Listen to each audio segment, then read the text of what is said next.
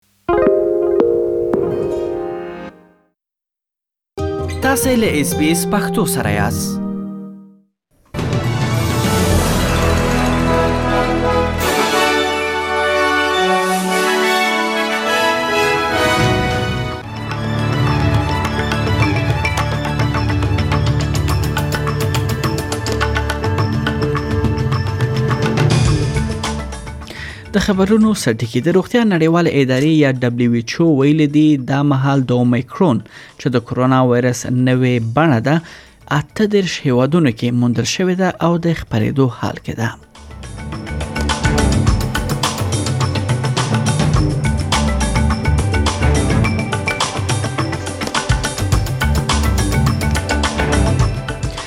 بل خو د استرالیا یوازنی ایالت چې د کرونا وایرس نوې بڼه یا اومیکرون ډېرې نوې پیښې ثبت کړې دي هغه نیو ساوت ولز دی نیو ساوت ولز کې دا سوال کیږي چې ریجنټس پارک یو خوانزي کې نوې پیښې یعنی موندل وروسته داسې اټکل کیږي چې دغه پیښه یا دغه وایرس نوې بڼه په ډېر چټکۍ سره په یاده سیمه کې خبرېدو حال کې ده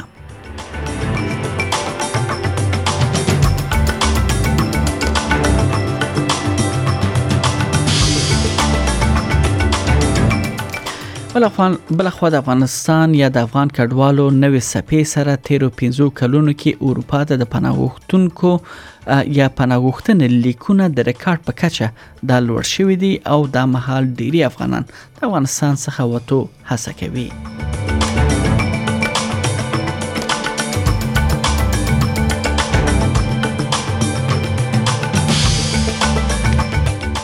بل خوا بل خو د افغانستان طالبانو مشر هیبت الله خونزاده په افغانستان کې د خزو د حقوقو په اړه یو فرمان صادر کړی دی چې پکې د خزو اړوند ځینې شرعي او حقوقي مسایل یادونه پکې شوې ده ولې د کار او هم د زکړې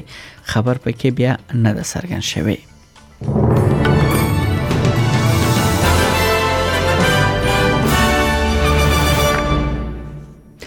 دا هم بشپړ خبرونه د روغتیا نړیواله ادارې یا دبليو ایچ او د کورونا وایرس نوې بڼه یا اومیکرون دا مهال یعنی په 13 هیوادونو کې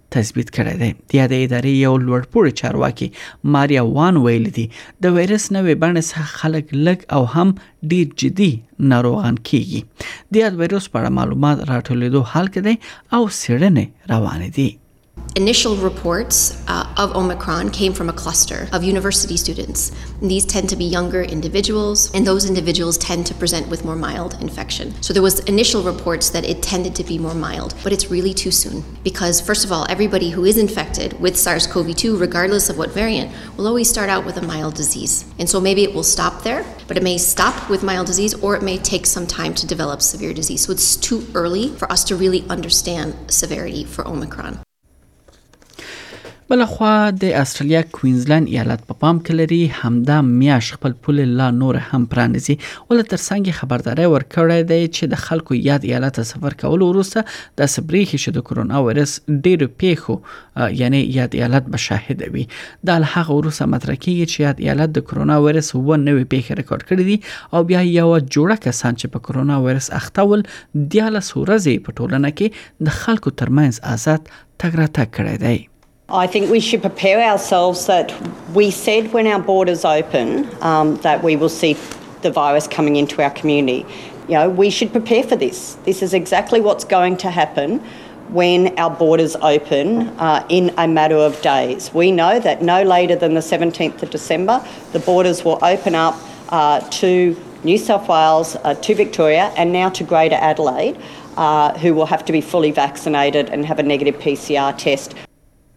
بلخوا د استرالیا جنوبي ایالات یا ساوت استرالیا حکومت نیو ساوت ویلز وکټوریا او کمبرا پر وړاندې خپل پولې پرانیستې ساتلې دي ولې نورو ځایونو څخه یعنی چې خلک دوی راځي البته هم دغه ایالتونو چې نوم یې ذکر وشو نو مسافر یې اړ دي ترڅو یاد ایالت رسیدو سره د کرونا وایرس ماینه وکړي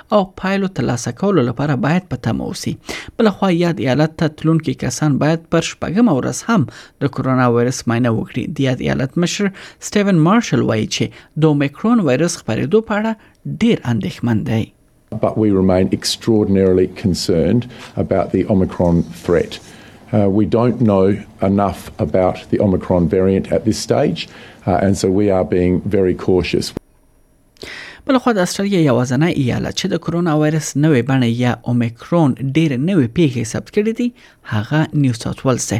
دا سوال کیږي چې یاد ایالت کې د وایرس نوې بڼه چټکۍ سره ټولنه غړو ترمنځ خبرېدو حال کې ده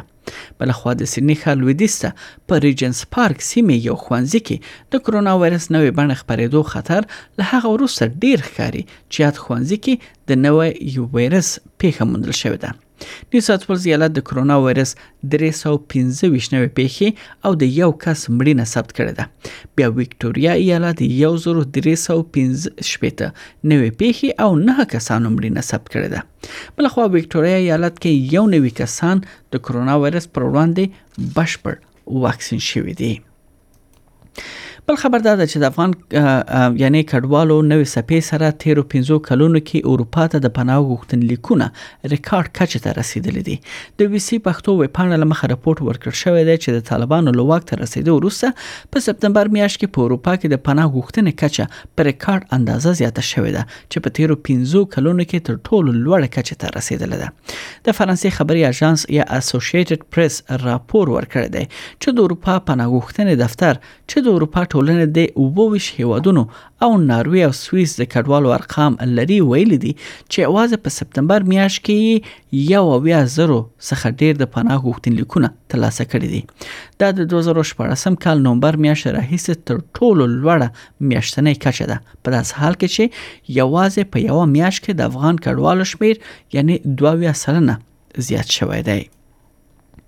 بل خو د افغان طالبانو مشر هیبت الله خونزاده په افغانستان کې د خزو د حقوقو په اړه یو فرمان صادر کړی دی چې پکې د خزو اړوند ځینې شرعي او حقوقي مسایلو یادونه پکې شوې ده په دې فرمان کې د نکاح پر وخت د خزې یا نجلۍ رضایت ټولنه کې د خزو په اړه ناسم ذهنیت او د کندو خزو شرعي حقونو او دویم نکاح د خزو د مہر حق او د یو کس لخوا د خپل میرمنو ترمنځ په عدل خبرې شوې دي خو په فرمان کې د خزو د کار کولو حق او یا هم د نجونو او خزو د زده کړې په اړه یادونه نه ده شوې دا هغه محل او ناندریزي ټکي دي چې د طالبانو لبیا واکمنې دوه راهیسي نړیواله ټولنه او د بشري حقوقو ډلې پرې ډیر ټینګار کوي دا مهال افغانستان کې ګڼ مسلکي او او هغه خزه چې په خوای دند دلودي په کورونو ناس دي همدارنس لزین ولایتونو پرته په ټول هیواد کې تر شپږم ټولګي پورته جنې هم دا مهال خونځې ته دوی نشي تللای بل خو د کډوالو لپاره د ملګرو ملتونو عالی کمشنري یا یونیسیار خبرداري ورکړې ده چې د ژمي د موسم پر رسیدو سره په افغانستان کې میلیونونه کسان د لوګي د لبهران سره دوی مخ دي د ادارې ویل دي چې په افغانستان کې جګړو او ناامنۍ او شاوخوا 3.15 میلیون افغانان مجبور کړي دي چې خپل یعنی مینه یا کورونه دوی پریږدي او نور سیمو ته کډه شي او د ژمي لپاره هم چمتووالی دوی نه لري د کډوالو لپاره ملګرو ملتونو د عالی کمشنرۍ ویان بابر بلوچ وایي چې بې ځایه شوی کورنۍ د سرپنا تودوخو جامو یا تودو جامو او د ژمي په موسم کې د ځان د تود ساتلو لپاره د سون موادو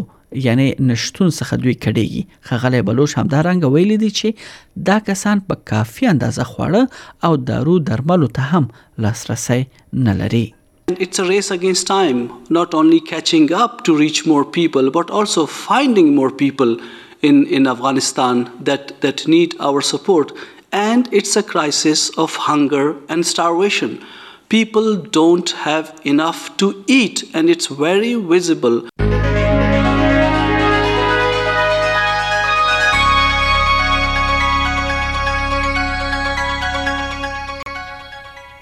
د همدې اصلي ډالرو پر وړاندې د ځینو بهرنیو اسعارو بیې په نړیوالو مارکیټونو کې یو اصلي ډالر 0.8 امریکایي سنت 0.18 یورو سنت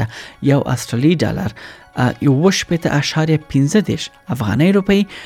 یو سلو درویش اشاریه نوی پاکستانی روپی دو پنزوس اشاریه سلور اویا هندی روپی یو اصلی ډالر دو اشاریه و پنزوس اماراتی درهم او صفر اشاریه دو پنزوس انګلیسی پنسه ارزښت لري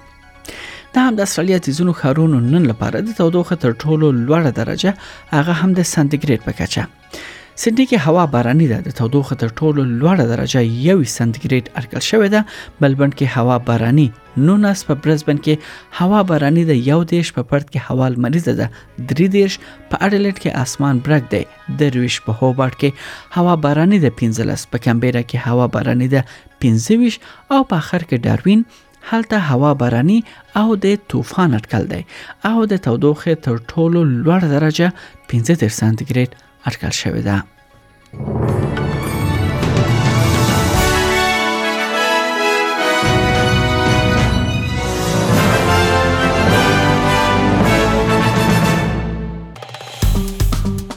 اس پی اس پختو په فیسبوک کې تا کې پلی مطلب یو فاک کړئ نظر ور کړئ او له نورو سره شریک کړئ